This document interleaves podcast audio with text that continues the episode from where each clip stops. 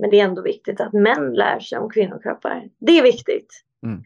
Och det är intressant för jag kan känna så här, ja, men det är väl ännu viktigare att den som bor i kvinnokroppen förstår kvinnokroppen. Alltså kan mm. vi börja, om du börjar med att ta hand om dig, så, så the rest will follow. Alltså jag är säker på att det kommer ge positiva ringar på vattnet och din man eller din tjej eller vem du nu vill liksom ha umgänge med kommer också känna den här eh, kraften och den här nyfikenheten som, som blir när man tar tag i sin, sin egna hälsa på, på min djup förståelse av sin, sin kropp.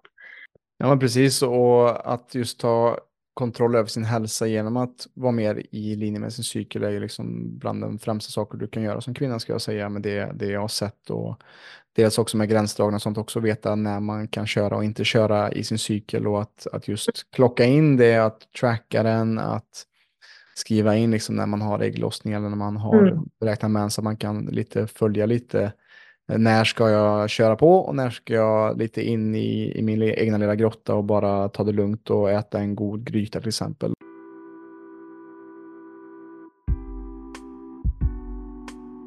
Hej och varmt välkommen till Holistisk hälsa med PLC, podden som förändrar Sveriges syn på hälsa med mig, Robin Hallsten. Och hur förändrar vi då Sveriges syn på hälsa kanske du frågar? Jo, genom att varje vecka leverera nya gäster och avsnitt som leder dig till en djupare kunskap och förståelse kring hur du kan ta hand om dig själv bättre och hur du kan ta tillbaka din egna inre auktoritet över din hälsa. Veckans gäst är Sheila Arnell som är yoga meditationslärare. Hon är medgrundare till About Yoga vars mål är att göra yoga, meditation och breathwork tillgängligt för alla. Hon har även skrivit boken De inre årstiderna som är en guide för kvinnor hur man kan leva mer i linje med sin cykel. Visste du till exempel att 80%, alltså 4 av 5 kvinnor idag någon gång i sitt liv upplever hormonella obalanser? I detta avsnitt pratar vi om Shilas resa och frustration som hon har haft genom sin egna resa som nu har lett henne till att hjälpa och stärka andra kvinnor genom deras cykliska problem. Och hur man kan navigera sin cykel på ett bättre sätt. Och för dig som är intresserad av att förkovra dig i andra avsnitt där vi pratar om kvinnohälsa så kan du kika i avsnitten som vi har haft med Jenny Kos, Johanna Hector, Dr. Diamantis, Ellen Engvall och många andra som varit med tidigare i podden. Men idag är det helt enkelt Kilas tur. Men innan vi drar igång med detta avsnitt vill jag bara påminna om vårt samarbete med Altos.se. Vår hälsocoach Viktor Karlsson har ju faktiskt nu skapat sitt eget kosttillskottsföretag efter att han själv i många år har fått plocka från olika aktörer på marknaden för att blanda ihop sina egna blandningar.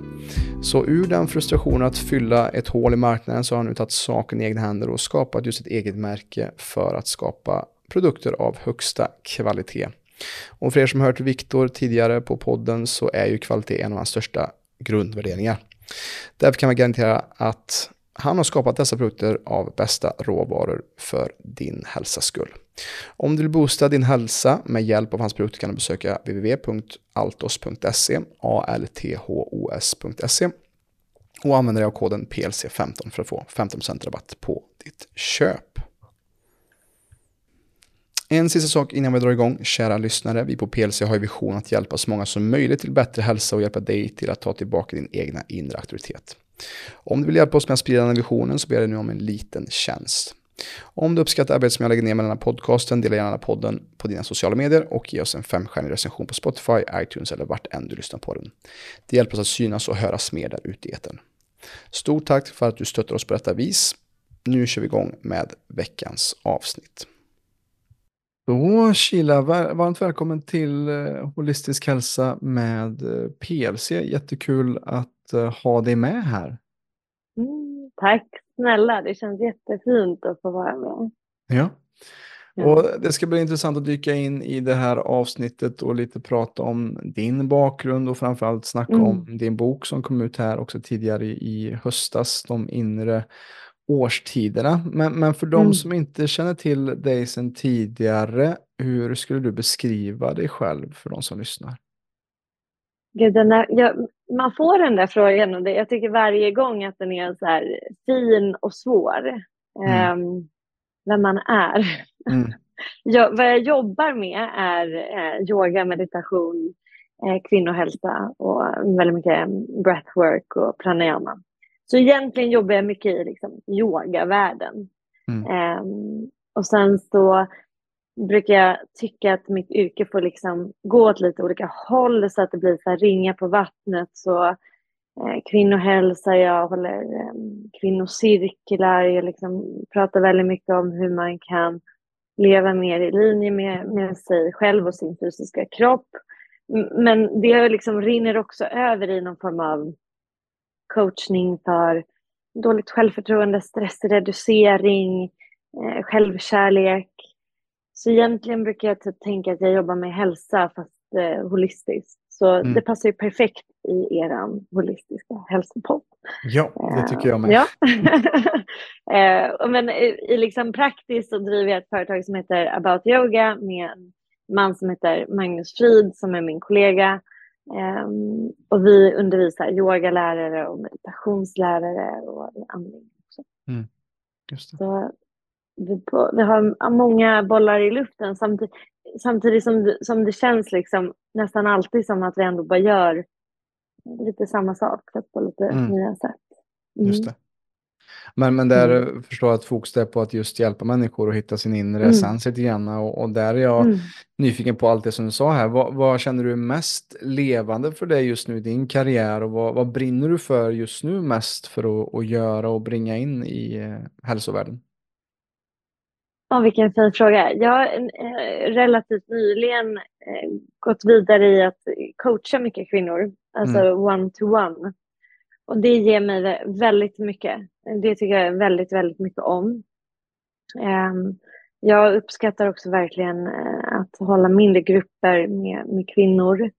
Eh, cirklar framför allt. Ehm, men annars tycker jag, jag tycker om, vi, vi, vi poddar, vi har en podd som heter About Yoga och Meditation som är en meditationspodd som verkligen så renodlade meditationer, bara rakt mm. upp och ner. Och det tycker jag också känns så jäkla pirrigt kul att du vet, jag kan sitta och spela in en meditation här. Och sen så är det någon som bara lyssnar på den du vet, på tunnelbanan eller innan de ska sova. Och det känns väldigt fint att få ge, ge det. det. Um, men jag är en evig elev, så jag pluggar alltid väldigt mycket. Mm. Går alltid liksom kurser och håller kurser, och, men framförallt så försöker tillskanska mig information. Mm. Um, för jag tycker väldigt mycket om själv att vara elev. Yeah. Så det är den här balansen av att då och då få vara lärare och då och då få vara elev och att få vara i, i den här, men i flödet av hälsoförståelse. Är du med på vad jag menar? Mm. Så det som vi tycker är hälsa början av 2023 är ju kanske hälsa ändå 2024 men det kanske ändå inte är det som du brinner för 2024, utan det här skiftet är, är det vackra tycker jag, att det liksom får komma och gå. Mm. Och, mm. Ja, och samtidigt så tycker jag det, det vackra med att vara, det känns som att vi är lite, gör lite samma sak liksom också med, med de här bitarna. Eh, och det, som jag tycker också en, en bra lärare kommer alltid vara en student eller en elev. Och mm. just på grund av att det finns alltid blind spots som i oss själva framför allt. Och det jag tror det är det som skapar också just den här smärtan man kanske haft det som också skapar den passion man har för att hjälpa andra människor.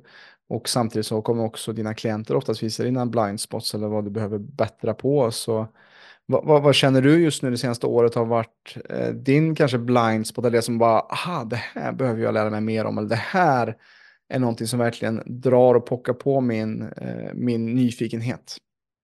Alltså min... Jag har ju verkligen fått klienter som har visat mig deras personliga problem med gränssättning. Mm. Eh, och, och det har ju varit ja, speglat mina problem med gränssättning. Mm. Så här, var, hur, mycket, hur mycket kan man ge ut i relation till hur mycket behöver man egentligen tanka på? Yeah. Um, så det har varit en lärdom att liksom det jobbar jag väldigt mycket på idag, att vara väldigt, väldigt, väldigt noga med min eh, tid, alltså med min gränsdragning av så här, vad, hur mycket ska jag vara för andra och hur mycket ska jag vara för mig själv? Och det som jag har hittat i, i, det, i det sökandet har varit att faktiskt se på vad man gör och vad det är som ger en glädje och vad det är som tar energi. Eh, och har insett att liksom och det har jag inte velat inse tidigare, men att här, jag, jag kanske är inte helt superbekväm med att eh, vara liksom out and about hela tiden. Jag behöver tid att landa hemma på ett sätt som jag inte riktigt förstod och framförallt så behöver jag tid offline.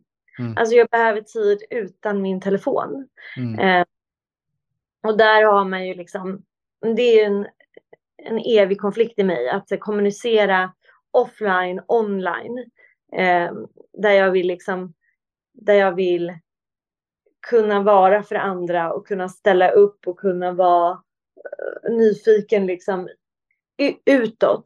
Men jag har en enorm dragning till nyfikenhet inåt. Hur kan man liksom hitta en balans? Och när jag, när jag hittar den balansen mår jag väldigt, väldigt bra och blir väldigt tydlig med mina gränssättningar. Jag känner verkligen så här vad som är i linje med mig uh, mm. och, och, vad jag, ja men jag, jag mår bäst då. Och därför känns det så fint att jag har fått eh, klienter där det är så, så, uppenbart för mig vad de behöver göra.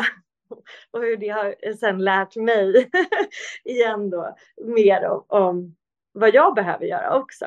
Mm. Så att vi får ju varandra som en påminnelse och eh, det är väldigt fint. Så där, där är jag nu i liksom Eh, eh, gränssättning, mycket säga nej för att kunna säga djupare ja. Eh, men också eh, lite in och nosa på mycket inre barn såklart, konflikt, mm. alltså trauman. Ehm, och, och titta väldigt mycket på varför jag responderar eh, och reagerar som jag gör. Ehm, mm. Så det, det är fint det inre barnet, trauman och att kunna sätta gränser. Det, det där är ju liksom, eh, Eh, för mig tycker jag är någonting som, om man kollar på kvinnohälsa, så är det någonting, är det någonting som inte kollas på inom vården så är det just de här bitarna. Eh, och, och, som jag ser eh, så är det så fantastiskt att ha eh, namn som dig och andra som just eh, är kvinnor också som gör det här jobbet för att eh, jag är en ja, relativt ung man som coachar mestadels kvinnor och det är så här, jag kan aldrig veta hur det är att vara kvinna. Jag kan aldrig veta hur det är att ha, ha en cykel och, och, därför är det viktigt att, att det finns eh, personer i, det, i den sfären som, som kan just skina ljus på det och verkligen också leda från det kvinnliga perspektivet. För att det kan, mm. kommer jag aldrig kunna göra. Jag kan leda människor men inte liksom från det kvinnliga perspektivet med, som, ur en mans kropp. Och det du är inne på här med gränsdragning är någonting som jag ser är en av de viktigaste sakerna som jag har filosoferat under de här tre, fyra åren nu som jag har jobbat främst med kvinnor ehm, med också som har oftast en sköldkörtelproblematik eller någonting sånt i botten. Ja. Att där har vi också att det ligger i, i hals, halsområdet och vårt, mm. vårt um, vår då förmåga att uttrycka och säga ja eller nej till saker. Och du kan inte fullt säga ja till någonting förrän du har fullt sagt nej till saker. Och det är precis som du säger, det är så otroligt viktigt. Um, och mycket av de kvinnorna som jag jobbar med är har familj och barn och kanske har varit den som har dragit det tunga lasset hemma och samtidigt ska ha karriär och uh, ha en vältränad kropp. Och det är så mycket ideal och så mycket hets kring det att det till slut gör att man inte har tid över för att man inte har satt tydliga gränser för sina egna drömmar och för sin egen energi och att man då helt enkelt urlakar sig själv. Um, så att det, ja, det låter fint att du också guidar andra i det, att just hitta den balansen. Och, Men mest, det, det blir så här, jag upplever väl, verkligen att det, man kommer till en punkt, du vet vi mm. alla når den här punkten där vi, ja, men som du är inne på, så här, mediterar, vi tränar, vi äter rätt, vi har rätt partner, vi eh, tänker mycket på hur vi mår, hej och men, men någonstans så det är bara liksom på toppen. Det kommer mm. aldrig in i kroppen ordentligt förrän vi liksom är tydliga med vår gränsdragning. Det, det här är som ett, ett, eh, jag jobbar väldigt mycket med embodiment. Det här är att förkroppsliga mm. det vi faktiskt vill liksom eh, nå. Eh, genom att liksom aktivt säga nej så kan vi också ta emot all den här hälsa som vi eh, liksom regnar på oss. Och sen mm. mycket av hälsan vi i, i, samhället håller på med idag är inte hälsosamt överhuvudtaget. Det är Exakt. inte utan det är egentligen bara hetsigt och jävligt och, och mm. en bidragande effekt till varför vi mår så dåligt. Mm. Eh, du, du kanske känner till, jag jobbar väldigt mycket med maskulint och feminint. På, alltså, mm. att eh, försöka förstå de olika energierna som vi har inom oss och balansen och dansen liksom, mellan de här att vara i sitt maskulina och i sitt feminina. Och mycket, många kvinnor blir sjuka av maskulina eh, problematiker, mm. stress, eh, görande. Och, och det är också fint och viktigt att liksom titta på det eh, som kvinna. Så här, vad, hur ofta är jag i mitt feminina? Så här, mm. När lutar jag mig tillbaka? När tar jag emot? Är jag bra på att ta emot? Vet jag vad jag vill ha? Kan jag be om vad jag vill ha? Alltså så här, det, det är fint. Ja. Det, är där jag tror, det är där jag tror att vi faktiskt kan nå eh, att bli friska eller att faktiskt nå hälsa. Ja, och just det här att vara i det feminina och vila i det är ju också någonting som kräver sårbarhet och receptivitet. Och det är också en sak som jag har insett att jag behöver jobba mer på själv i mitt egna liv, faktiskt att, att våga ta emot och inte bara vara eh, en givare. Alltså som, som coach och jobba med andra människor så är det lätt att man bara ger och ger och ger. Men till slut så är jag också med på mina egna eh, eh, vägbulor när det kommer till att inte ta emot tillräckligt, att, att det blir en trötthet i det också. Och det är otroligt viktigt att, att våga, men som du säger, att det du jobbar också med det inre barnet och, och trauma, så är det också det kan vara mycket inre saker från vår barndom som hindrar oss från att verkligen släppa kontrollen och taget för att det finns så mycket som eh, ligger framför den där eh, eh, surrendering eller att, att bara ja. kunna tillåta sig att vara. Verkligen. Men, men jag, är, jag är nyfiken på hur det kommer sig, Kila, att, att du har valt den här vägen. För att det antagligen inte varit en, en spikrak väg, inte att jag vill jobba med kvinnohälsa och till den här boken också att, att skapa den här guiden för kvinnor för att just eh, hantera sin cykel på ett mer hållbart och holistiskt sätt. Hur, hur startar den här utforskningen av dig om du drar lite din, din bakgrund kring varför du brinner för detta idag?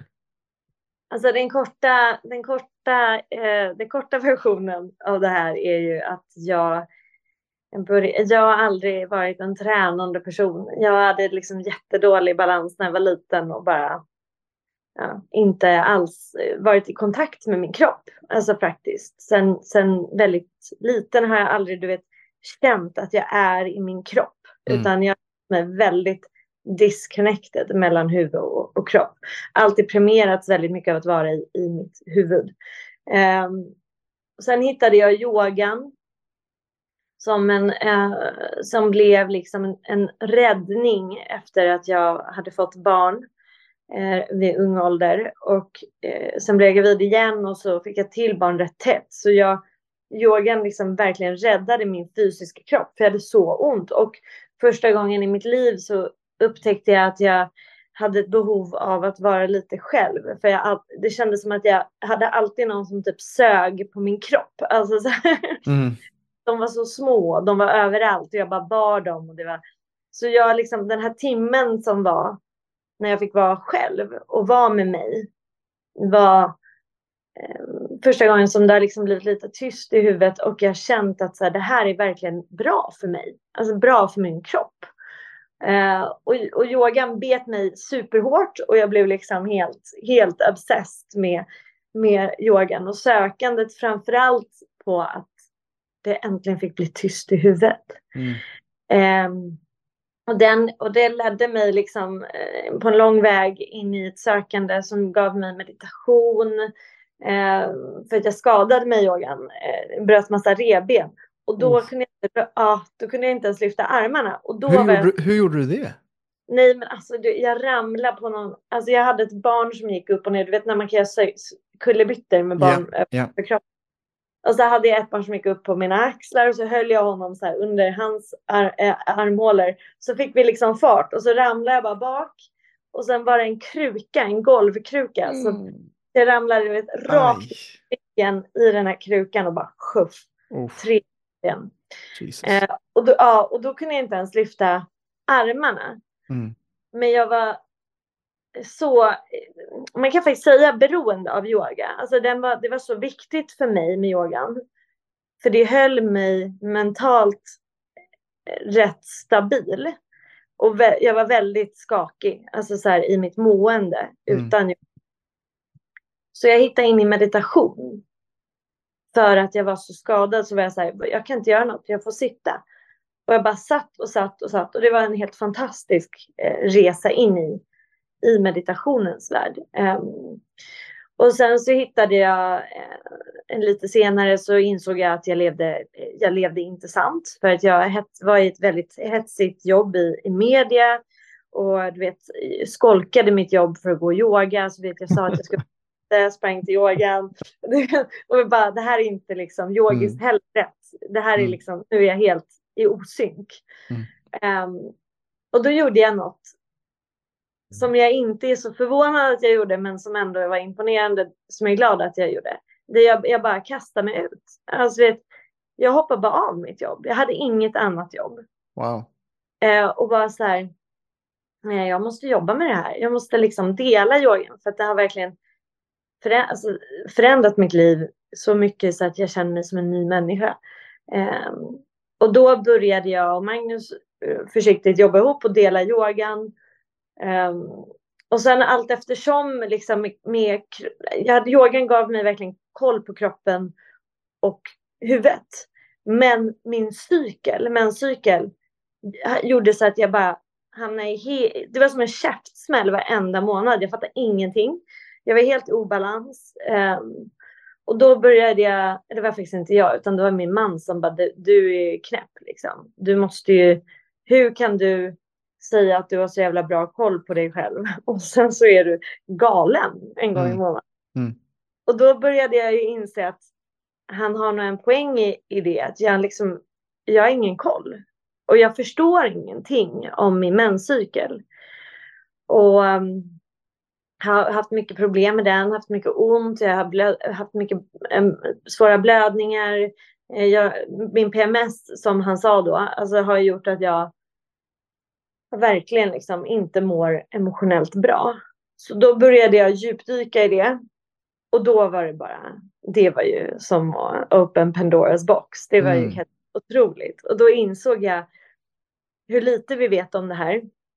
Hur enormt mycket vår menscykel påverkar oss. Alltså det, det går inte ens att prata om kvinnor och inte prata om menscykeln. Alltså jag blir, jag blir så upprörd. Det är som att så här, ignorera dygnsrytmen. Mm. Det är som att du, jag skulle ringa dig tre på natten och vara så här, jo men kom nu poddar vi. Och du bara, men jag känner inte att jag är helt hundra på att podda nu. Jo, alltså så lever varenda kvinna sitt liv idag. In, ja.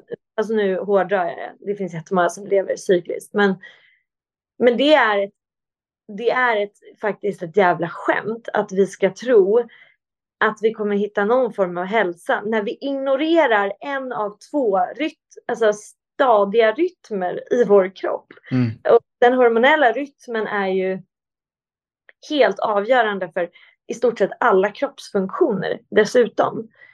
Eh, och det är det som blir så här, allt vi lär oss är baserat på en mans kropp. Alltså 2016 upptäckte man hela klitoris. Hur mm. deppigt? Mm. 2016. Det är så deppigt. Mm. Och jag menar, kvinnor har ju faktiskt ett, ett liksom organ som är enbart gjort för njutning. Det har inte ens en man. Alltså det blir så här, vi kan ingenting om vår kropp. Och den här, det, det är lite som att vara förblindad. Och jag förstår det. För att vi får inte lära oss det här. Om man frågar folk på gatan liksom vad testosteron gör så vet alla att testosteron gör en liksom, eh, driven, kåt, stark, så här, sånt.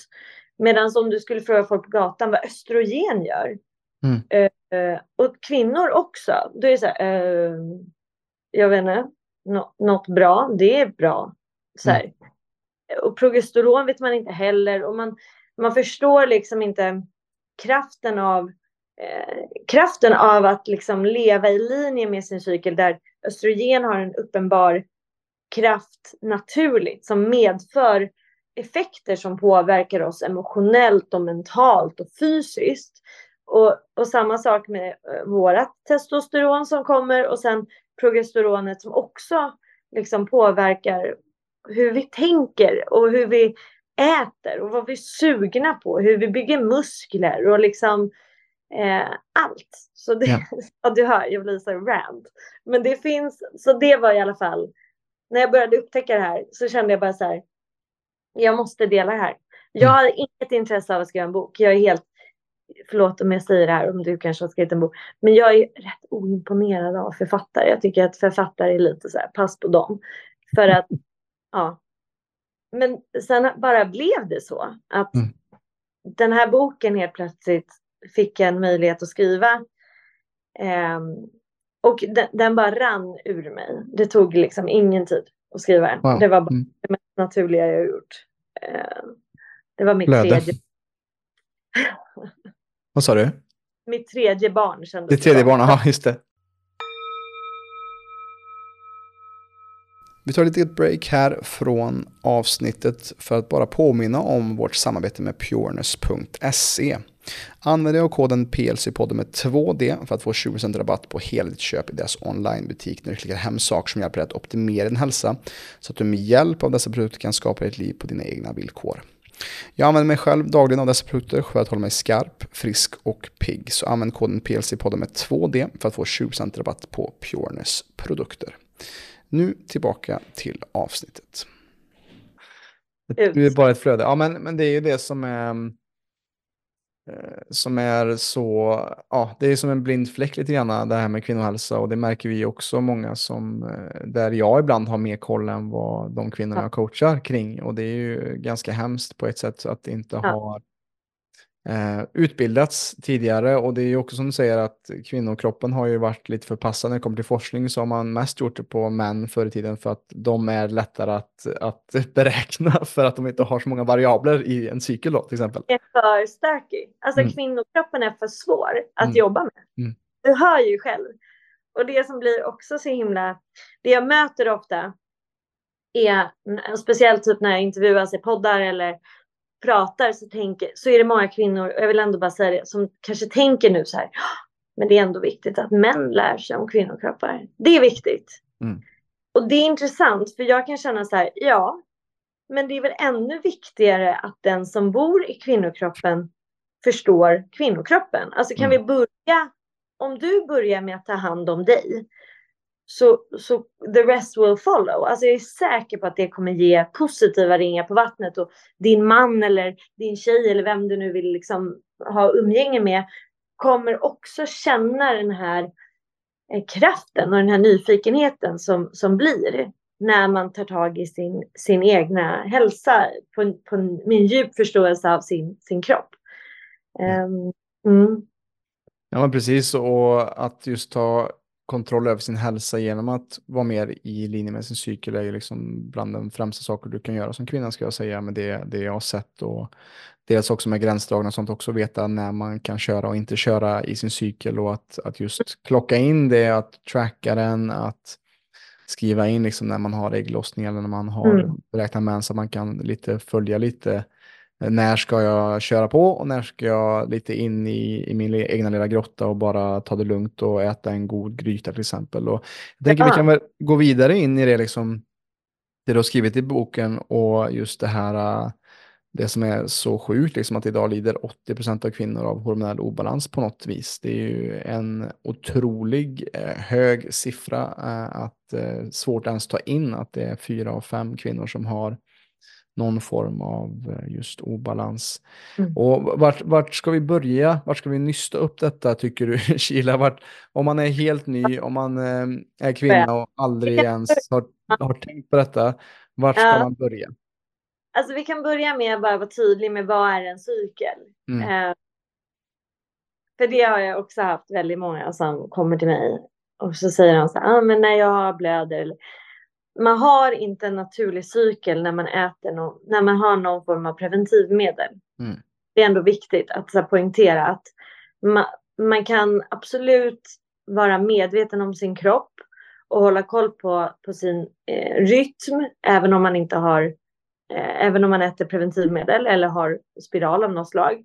Men den naturliga cykeln är den som inte är hormonellt eh, rubbad med, av annat. Mm. Ehm, Och cykeln börjar liksom den första dagen och redan här brukar folk vara så här, vadå, när är den första dagen på cykeln? Och det är liksom första mensdagen, så första dagen av blödningen. Um, och jag har liksom benämnt de här, de här olika eh, delarna av menscykeln som de inre årstiderna och det är ett relativt så här, känt sätt att göra det på i, i holistisk hälsavärlden. Eh, och i yogisk filosofi och ayurveda brukar man prata om menscykeln som årstider. Eh, och jag kallar dem för de inre årstiderna och där är vintern mens, liksom när man menstruerar. Och jag tycker att ett lätt sätt att se cyklisk eh, medvetenhet på är att liksom förstå att det är väldigt likt faktiskt årstiderna som vi har i norr. Alltså här uppe. Att under vintertid så tar man hand om sig lite som man gör på vintern. Eller lite som man borde göra på vintern. Mm. mm. För, för jag tror att ett generellt problem vi har i samhället är att vi lever som om det vore evig sommar. Alltså, yeah. Vi, och det är inte bara kvinnor utan män också, att man så här, tränar likadant hela tiden. Mm. Man kräver, man äter sommarmat hela tiden. Du vet sallader hela året. Jag tycker det är rimligt. Alltså man, och det är ju inte bra för vare sig miljön eller för, för eh, kroppen. Nej. Så att liksom börja se lite likheter med hur man tar hand om sig. På vintern så ska man äta varm mat, man ska vara inne, man ska vila, man ska liksom ha tid för introspektion, kanske inte umgås med allt för mycket folk. Eh, man ska liksom verkligen värna om att, att titta in i sig själv. Eh, och sen så kommer den follikulära fasen eller det som eh, när östrogenet börjar komma upp igen efter när det har slutat blöda eh, Eh, som kallas för den inre våren och den är lite olika lång beroende på vem man är. Och det är väldigt likt också inre eller yttre vår liksom att så här oh, wow, nu kommer solen och alla står och du vet så här första solen känner den och bara så, är det sant och det är pirrigt och det är härligt och rent evolutionärt är det här en tid när vi ska våga och vilja och eh, vara nyfikna. Så vi flyttar oss från den genpool vi brukar vara i till någonting nytt. Så att det här är en perfekt tid att starta nya projekt, eh, dra igång en ny träningsrutin, eh, göra någon form av fasta om man är sugen på det. Alltså så här, eh, ösa på, prova nya träningsformer, ta, hitta en ny vän hitta någon ny att ligga med liksom. Supernice. Och östrogenet är ett, så här, ett hormon som stiger här. Det gör dig så här juicy och härlig och, och väldigt dynamisk. Så helt plötsligt så är alla en rätt bra idé. Alltså du vet folk som inte är en så bra idé sen. Mm. Men om man, ett exempel är ju så här. Om man träffar någon på en dejt här. Så kommer den här personen med all största sannolikhet kännas helt okej. Okay. Medan om du skulle träffa någon på en dejt under den inre hösten eller innan du ska få mens så är ingen så jävla bra. Och alltså, det är inte alls härligt. Och han tuggar för högt. Mm. Eller han frågade inte en fråga som jag inte ställde fast jag ville ha frågan. Liksom. Yeah. Eh, så det är en helt annan så, energi här. Och um, här kan man också gärna träna mycket, alltså börja ta i. Och sen kommer testosteronet, östrogenet pikar ännu mer inför ägglossning. Men, men hemligheten med ägglossning som är viktig att prata om är att ägglossningen sker bara när kroppen är trygg. Så om du har en kropp som är stressad eller du känner dig pressad eller orolig eller ängslig eller eh, du gör för mycket eller du är inte fokuserad eh, du är splittrad liksom, då kommer kroppen inte, eller du tränar för mycket, du äter för lite, då kommer kroppen inte tycka att det är så en jävla bra idé att du skulle bli gravid, så den kommer inte ägglossa. För att det är inte, du är inte en säker plats för att bära ett barn. Mm. Så det som är i vanlig liksom, folkmun brukar man säga så här, nu är min mens sen. Mensen är aldrig sen. Ägglossningen är sen. Ägglossningen kommer när det är läge. Eh, så, och sen kommer mensen naturligt efter att ägglossningen sker. Eh, men mensen är aldrig sen. Liksom. Eh, och ägglossningen kan ju vara också en väldigt speciell tid Det är då man är liksom som kåtast och härligast och man blir supervacker och man blir lite så här, alla är möjliga personer som kan typ eh, göra Rukta. mig i tid. Ja men verkligen, så alla är bara mm, mm. så bra. Mm. Och folk man inte ens trodde att man var attraherad av kan man mm. helt plötsligt känna så mycket för. Eh, men det kan också vara en väldigt så här, svår tid om man till exempel har lite ja, men problem med kanske uttrycka sig, alltså som du pratade om, alltså man kanske har problem med att be om det man vill ha, man kan bli väldigt frustrerad under den här perioden också. Den här eh, lusten kan bli irritation och frustration och problem. Men här har vi också annars väldigt mycket kapacitet, så har vi under hela den här soliga sidan av cykeln. Alltså att göra tusen saker. Så här blir vi också lite lurade att vi orkar vara svinduktiga på jobbet. Vi orkar ta hand om barnen och leka med dem och tycker att de är lite härliga. Vår man är inte ett problem eller tjej eller vad man nu har. Och alla, alla får liksom väldigt mycket av dig hela tiden och det är inga problem. Du orkar det och du har till och med egen energi för träning eller liksom introspektivt arbete. Men sen efter ägglossningen då händer något i energin. Det bara sjuff, dyker ofta ner. Och den, det kan bli en jättekrasch. Och det här tror jag att kvinnor generellt sett, det är här problematiken är. Att vi tror att vi har möjlighet och kapaciteten av 160-170 procent hela tiden. Men sen en dag så känner vi att vi fan knappt orkar 60 procent. Liksom. Mm. Och då får självförtroendet en törn. Om vi då inte vet det här, förstår du? Det är därför cyklisk medvetenhet så viktig. Alltså det, ja, jag vet att under de här, den här veckan, då kommer inte jag palla. Jag kommer inte orka göra de där tusen sakerna som jag, hade, som jag bokade in när jag var så jävla peppad på livet för en vecka sedan. Eh, och man får en bild av att man kanske är misslyckad eller sämre eller liksom uh, man börjar klanka ner på sig själv och sin energi. Uh, mm. Och det blir liksom ett väldigt stort problem för vår förståelse av, av hur vi mår och hur vi är. Nej, men det, mm. det, är det som jag tänker, som du också skrivit i, i boken, just kring att veta när man har medvind och motvind och veta liksom vad man ska göra när och Mm. Eh, att man också, om man då följer sin cykel så kan man också planera in att okej, okay, här behöver jag gå lite i det, här behöver jag lite mer kanske närhet och kärlek av min partner och här mm. kanske jag har mer att pusha. Eh, men, men det är ofta det som kan vara eh, som, som det är både för män och kvinnor idag att vi, vi som du säger, vi lever i evig sommar och det märks tydligare i, i kvinnorna hur ohållbart det är. Att män kan oftast komma undan med det under längre tid kanske. Mm. Eh, Medan ni som är, bär på liv och bär på liksom framtidens generation, generationer, eh, som du säger, när vi lever konstant i stress så är det överlevnad som prioriteras över just att kunna bli befruktad. Och, mm. och, därför är ju, som jag ser varför det är kvinnor som oftast har mycket problem med, med sina kroppar idag, är på grund av att det är liksom alarmklockan för västvärlden och hur vi lever i väst, att det är inte hållbart. Vi kan inte ens eh, skapa liv om vi håller på på det sättet. Nej men exakt, och det sympatiska nervsystemet är liksom helt överbelastat. Ja. Det är ja. liksom evig fight or flight i kroppen. Mm. Mm. Och det, det slår ut psyken helt. Eh, det är därför folk har, men, du vet, inte får mens och får andra, ja, men det är därför de här hormonella, 80 procent har hormonella obalanser. Det är det, det är det här det beror på. Liksom.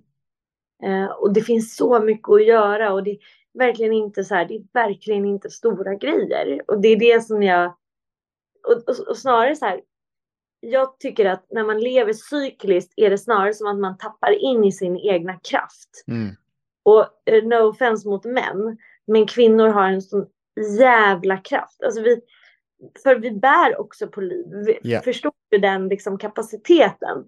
Så det handlar ju bara om egentligen att så här, för det, för det folk blir rädda för är så här, men jag vill inte anpassa mig. Jag vill inte för jag vill liksom kunna allt. Jag vill göra allt. Ja, men gör det, gör det när du har, när du har ett fulladdat batteri. För då kommer du göra det med sån jävla kraft att det kommer liksom bara slå ut det du vill slå ut eller mm. enhance det du vill enhance. Men där är ju en rädsla för förändring, en liksom brist på förståelse um, och, en, och en rädsla. Vi har ju en rädsla för att inte vara hundra procent. Och den rädslan är ju då ett, ett problem att liksom få kontakt med sin sårbarhet. Medan jag tror vi bara liksom har, har fått det här om bakfoten. Rätt rejält av, av vad som är, vad kraft är och, och hur vi kan liksom leva mer i linje med oss själva. Mm. Mm. Ja, och komma i kontakt också med superkraften som det kan vara att vara kvinna istället för att man hackar sig fram eh, utan, utan verktyg. Så mm. vad ser du är bland de viktigaste sakerna till att ta tillbaka sin eh, lite auktoritet, inre auktoritet över sin cykel och sin hälsa som kvinna?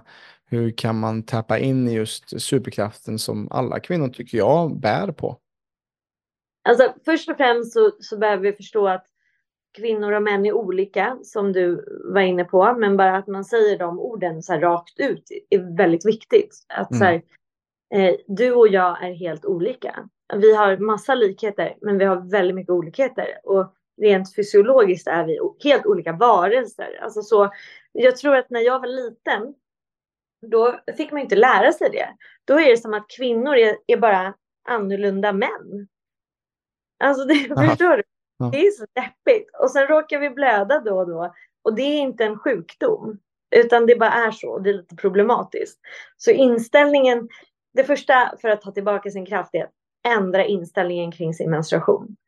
Att så här, menstruationen är helig. För mig är det den tiden i månaden jag känner mig som allra kvinnligast. Alltså det är liksom, jag, jag, jag är så tacksam jag grinar nästan alltså när jag får mens. För att jag bara, wow kroppen, jävlar, we did it again. Det här är helt otroligt liksom. Tack kroppen. Tack Sheila att du har vårdat dig själv så att din kropp vågade ägglossa liksom. Det är mm. fantastiskt. Um, och nu förstår jag att alla som hör det här kommer vara så här, ja men jag kommer inte grina när jag får mens. För det är... jag grinar av andra anledningar kanske. Exakt, jag kommer grina mens. Nej, men, och det, och det förstår jag. För jag har varit en sån som absolut inte har grinat när jag fick med. Alltså, jag har varit där. Ehm, men att odla en, en kärlek till mens, menscykeln på den nivå att man börjar respektera den, börjar lyssna på den, låta den ta plats, låta den få vara en naturlig del av det du kommunicerar med din, din omgivning. Och och det igen, det börjar med dig. Så att du börjar tänka på det i din kalender. Så här, här tror jag att jag ska få mens. Ja, kanske inte bokar in att ha en fest här då. Att så här, börja tänka på det. Mm. Um, och sen det andra är ju att börja, när man har börjat få koll på sin cykel, att börja anpassa lite mer som träning. Träning säger för att träningen är också det som är, det är mycket hjärnspöken i träning nu. Det är mycket, jag vet inte vad folk tränar riktigt för.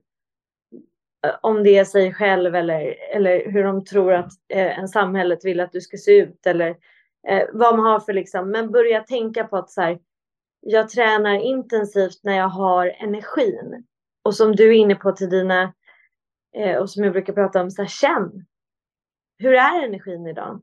Så här, ska jag verkligen gå på crossfit idag när jag känner att jag bara vill grina för att jag är så trött. Är det rimligt? Nej, det är inte rimligt. Och, och, så här, och sluta värdesätt. För jag, jag brukar göra så här att jag tänker att jag har en lång version av min dag eller min morgonrutin och en kort version. Och de är lika mycket värda. Så ibland så orkar jag gå upp fem och göra jättemycket ashtanga-yoga och dricka en grön provocerande smoothie och jättemycket varmt vatten. Men du fattar. Mm. Och lite jävla nice och meditera i så himla balans. Yeah. Men vissa dagar så är snooze, ta två djupa andetag innan jag går upp ur sängen och gör en stor kopp kaffe med frukost, när jag äter frukost samtidigt. Mm. Det är lika mycket värt. Yeah. Att liksom börja eh, ha den inställningen så här att, att allt jag gör är lika mycket värt. Så att man inte får för sig att stenhårda pass, eh, pissnyttiga kolsallader är det som är bäst. För att balansen är bäst. Mm. I liksom stark åsikt. Um, och sen så börja titta på, på in, inåt i så här, hur, hur, hur, hur relaterar jag med andra människor? Är jag bra på att be om hjälp? Uh, gör jag, lever jag sant? Gör jag saker i mitt liv som jag vill göra i mitt liv? Um, är jag liksom en närvarande person? Hur kan jag vara det? Vad behöver jag sätta för gränser? Yeah. Eh, där, sen börjar ju liksom långt inre arbete. Eh, men, men ja, vilken svår fråga. Det är jättesvårt. Jag tror att liksom eh, också att vi alla börjar på lite olika ställen beroende på vad vi har för grundförutsättningar. Men att tracka sin cykel på något sätt är där jag verkligen tycker att man ska börja. Ja, och jag tycker det är jätteviktigt där också att eh, jag brukar också rekommendera det till de klienterna jag pratar med att ha en så optimal morgonrutin och kvällsrutin och så har du en som är suboptimal som är liksom ett alternativ mm. de dagar du inte har energi eller du inte mm. orkar eller där kanske ditt barn har skrikit lite extra mycket, du har inte orkat. Och också när det kommer till mat också, vad är, för vi lever inte Instagram-vänliga liv alltid som vi ska vilja posta våra stories. Det är verkligen inte så, eh, ingen av oss. Um, så att också så här hitta att vara att bra nog. För att är det en sak som jag ser stressar eh, många människor och framförallt kvinnor så är det just det här att man ska göra allting rätt och mm. allting perfekt och det, det ja. lever, lever en inre perfektionist. Vad sa du? Ja, men och att man annars gör ingenting rätt. Nej, precis, precis. Att det är liksom en, att man bara så här total ger upp då. Att mm. så här, bara för att morgonen var stökig då behöver jag inte äta en okej lunch. Nej. Då skiter jag i lunchen. För morgonen måste jag... Det blir... Precis. Mm. Och, och, där är nästa sak som jag vill prata med dig om, eftersom du jobbar själv mycket med meditation och yoga, så ser jag ju stress är en drivande faktor också till varför vi mår eh, som ja, människosläkte dåligt och särskilt då kvinnor också då såklart. Um, vad, vad, vad har du för bästa verktyg eller tips för någon som behöver kyla ner sig lite, kyla ner systemet så att vi kommer ner också i varv emellanåt också när vi, så vi inte lever i konstant sommar? Stäng av telefonjäveln. Jag håller med. Nej, alltså for real. Mm. Stäng av telefonen. Mm. Bara gör det. Mm. Och sen när du har gjort det och insett att det var det bästa du har gjort, vilket jag tror att väldigt många kommer inse, så köp en väckarklocka. En vanlig väckarklocka. Och sen så kanske du kan natta din telefon innan du nattar dig själv. Tips. Mm. Vi gör det. Vi har i min, min familj, mina barn är ju tillräckligt gamla för att ha telefoner. Men de, jag har fått dem att tro att man inte kan ladda sin telefon i sitt rum. För att de bor inte där. Nej. Utan telefonerna bor i vardagsrummet i, vår, i vårt hem. Där de liksom ligger och laddar bredvid varandra. Okej. Okay. Förstår du? Ja, ja. För att man ska inte ha med telefonen in i sovrummet. För mm. att du sover sämre. Du, du nittar runt och du vet man håller på. Och jag själv, alltså jag måste säga, jag själv gör absolut misstag med det här eh, ibland. Men det här, det har verkligen varit... Alltså jag är en annan person när jag nattar min telefon först. Du vet, ger den lite ström, säger hej då, avrundar och sen är den klar. Då får den sova. Sen ska jag sova. Alltså det blir också sunt ju att man kanske säger godnatt till sin partner istället för att ligga så här. Alltså så här, vi, vi har ju ett väldigt osunt beteende med våra mm. telefoner. Och de är en enorm stressfaktor. Och, när, och vi frigör så himla mycket tid också när vi tar bort telefonerna. Så man kanske kan faktiskt få tid att ta ett djupare andetag. Man kanske kan få tid att bli lite uttråkad i huvudet. Och det kanske kan leda till lite kreativitet eller kanske en önskan att hitta lust att själv meditera eller att själv skriva något eller liksom det är som vi, ja, jag tror att vi är så satans skadade av vår telefon. Mm. Och jag tror att så mycket kan bli bättre om vi hittar ett sätt att, att få bort den mer. Ja, mycket av den tiden som vi säger att vi inte har är ju lätt att bara kolla på sin skärmtid och se var man lägger, lägger sin tid mm. egentligen. Mm. Och då har vi alla fem, fem, tio minuter till liksom, eh, vår, eh, som vi brukar säga, work-in eller meditation eller sak för att just landa mm. in. Och, eh, jag kan inte mer än hålla med. Jag har själv ett, ett, en hatkärlek som jag tror många har till telefonen. Att det, likväl som tekniken gör att vi kan spela den här podcasten och att folk kan lyssna på den här podden och använda eh, använda sin mobil till att just främja saker så är det nästan tvärtom också att den också bidrar till att vi blir mer asociala, mer isolerade, vi jämför oss, vi mår dåligt, eh, vi mm. blir blinda mm. konsumenter istället för kreatörer i över våra liv och det skapar också en sån obalans på det sättet som, som jag tror också, och det skapar också att vi aldrig riktigt är uttråkade, utan vi kan alltid ta fram den när, eh, istället som på kvällen då man kanske, då kanske det öppnar upp ett uh, intressant konversation och samtal med sin partner istället för att man sitter och kollar på mm. vad alla andra gör som du inte ens känner, som inte ens bryr sig om dig. Liksom. Så att uh, det är en väldigt viktig del. Ja, jag håller helt med. Alltså, och vi blir också så himla...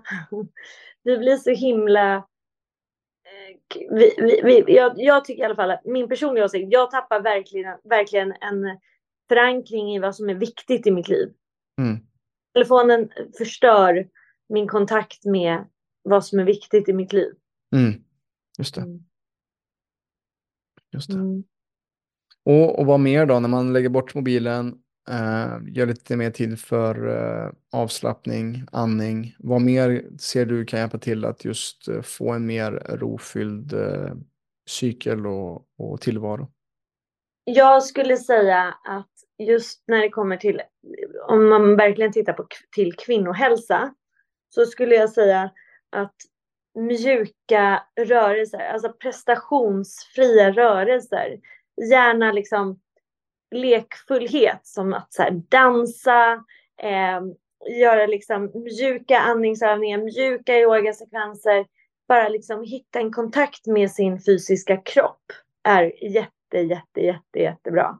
Mm. Och bara liksom känna in hur den känns och försöka hitta igen kontakten mellan hjärtat och, och vår livmoder. Vi har liksom så heart womb meditation och det kan låta lite flummigt och folk blir så här direkt, åh nej gud vad, vad läskigt, ska jag hålla mina händer på min livmoder? Men liksom det är en väldigt fin övning för att komma, få kontakt med livmodern. Att så här, börja tänka på livmodern, att börja hålla händerna på den, skicka in närhet och värme och kärlek till livmodern. Jättegärna meditation och hålla händerna på livmodern eller ligga ner och bara känna liksom på sin kropp. Sen tycker jag att så här, och det kanske man inte får säga, jag vet inte om man får säga det i din podd, men jag tänker att man får det. Men liksom all form av njutning också, så här, egen njutning. Alltså mm. onani heter ju det på svenska, men det låter lite trist tycker jag. Men all form av så här, kontakt eh, med sin kropp. Alltså bröstmassage, så här, ställa sig, borsta tänderna, släppa tandborsten och sen bara smörja in sig med något och bara massera sina bröst kommer liksom direkt att ge dig kontakt igen med din fysiska kropp. För att jag tror verkligen att för kvinnor och kvinnohälsa är vägen verkligen in via kroppen först och främst. Yeah, yeah. Eh, istället för att kanske, det är lite mer maskulint att tänka att det skulle vara in via huvudet. Eh, att jag lär ju ut meditation också, jag kan absolut tycka att det är jättebra att bara sätta sig och meditera. Men när det handlar om att få kontakt med sin cykel så är en vä vägen är via kroppen.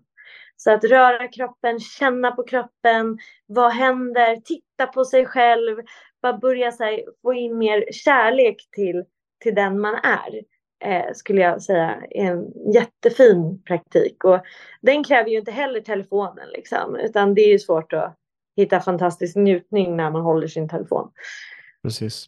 Mm. Nej, men eh, det, det är någonting jag bara kan skriva under på själv, just att eh, som du säger njutning och jag tror mycket av varför man mår dåligt som kvinna är för att man inte är i kontakt med sin sexualitet. Och för män mm. också att vi är så, eh, alltså vi är frånkopplade från det somatiska. Alltså mm. vi behöver mänsklig kontakt och vad är det ja. som sker också när vi har skärmar? Jo, det blir mindre mänsklig kontakt. Ja. Och att vi har kontakt med människor, men det är inte på riktigt. Eh, och samma vägen genom också läka trauman är alltid, går alltid genom kroppen och mindfulness. Du kan prata om ett problem, du kan prata om dina trauman, men du mm. måste känna, våga känna och um, när man också ser på den statistiken som finns med, med kvinnor också att en på tre kanske har haft eh, problem med att någon gång varit utsatt för något eh, kring sexuella övergrepp och den biten så är det också stora siffror som man måste ta i åkning till att eh, det behövs komma tillbaka en erövring av den egna kroppen och kontroll över sin egen kropp. Ja, ja. ja. och där är också verkligen så här. Det, det kommer kännas obekvämt i början. Alltså det, mm. det kommer vara nytt. Det kommer vara, och det där med sexlust är ju att vi äter så himla mycket preventivmedel. Mm. Och de dövar ju sexlusten. Det finns vissa studier, det fick jag inte skriva i boken, men, för det fanns inte tillräckligt med forskning. Men eh, det finns absolut forskning på att den sexlusten kommer inte tillbaka. Alltså vi, vi förstör vårt njutningscentrum när vi äter vissa preventivmedel. Och ni hör ju att jag är så här, jag är inte jättepositiv. Jag är väldigt glad att preventivmedel finns för att det är väldigt viktigt för ett jämställt samhälle. Ehm, men om man inte behöver ta dem av någon anledning så kan det vara intressant att se vem man är när man inte är påverkad av andra, mm. eh, annat. Um, för, för sexuella kvin kvinnor är ju väldigt känsliga för stress, all typ av stress. Positiv stress, negativ stress fysisk stress och mental stress.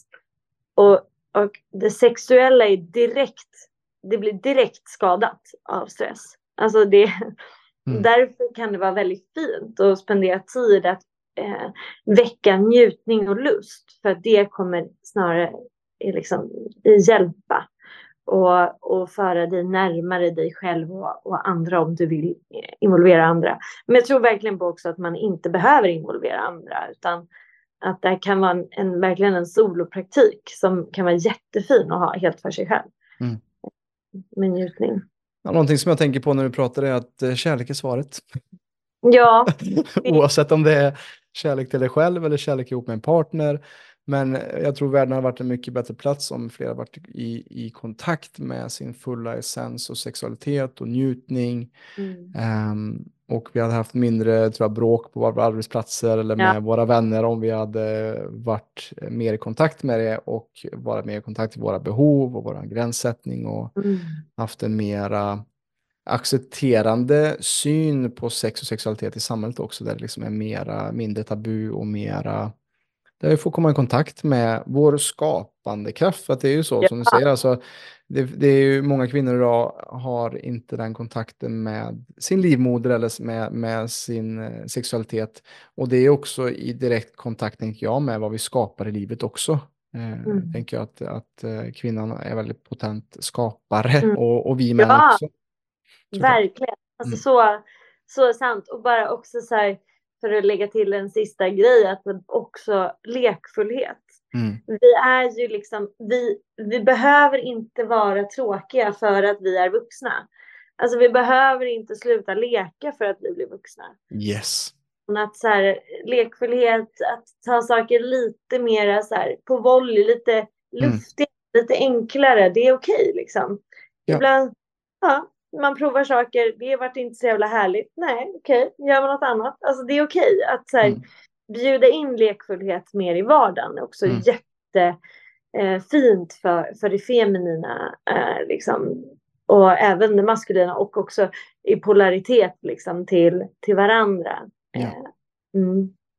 Ja, men det har varit, det var min största insikt 2023 var faktiskt att bjuda in mer lek i livet. Eh, mm. Jag köpte faktiskt till och med ett lasersvärd som jag går runt och fäktas med med mina kompisar som vi är liksom i 30 plus. Och det, det kan ju verka, verkas konstigt, men, men jag hade glömt bort, alltså för många glömmer bort det, men, men eh, lek är en förutsättning för frid och eh, mm. världsfred faktiskt. För att ja. Har vi inte, är vi inte lugna och har ett, eh, i vårt parasympatiska och kan leka med varandra, då finns det inte heller förutsättningar för frid eller fred runt omkring oss. Så mm. leken som du säger, det är livsviktigt att ta det på fullaste allvar och att tillåta sig själv att leka, vare sig det är med sina barn, eller med sina kompisar mm. eller kollegor eller vad det nu kan vara. Att våga vara lite mera barnslig och komma i kontakt med mm. det. För vi, vi mår bra av det och vi kommer liksom i, i ro när vi kan skratta och, och stoja och göra saker som vi kanske är dåliga på också. Bara våga. Mm. Mm, verkligen, och då blir saker mycket mindre prestation. Yeah. Och prestationen är ju det som gör oss sjuka. Mm. Så, mm. För mycket mm. prestation. Sen så är det kul att kunna vara i sin fulla kraft och prestera och vara seriös. Men det ska också finnas en polaritet där också som, som vi varit inne på mycket och som är grunden i det här samtalet tänker jag just att hitta balansen. Mm.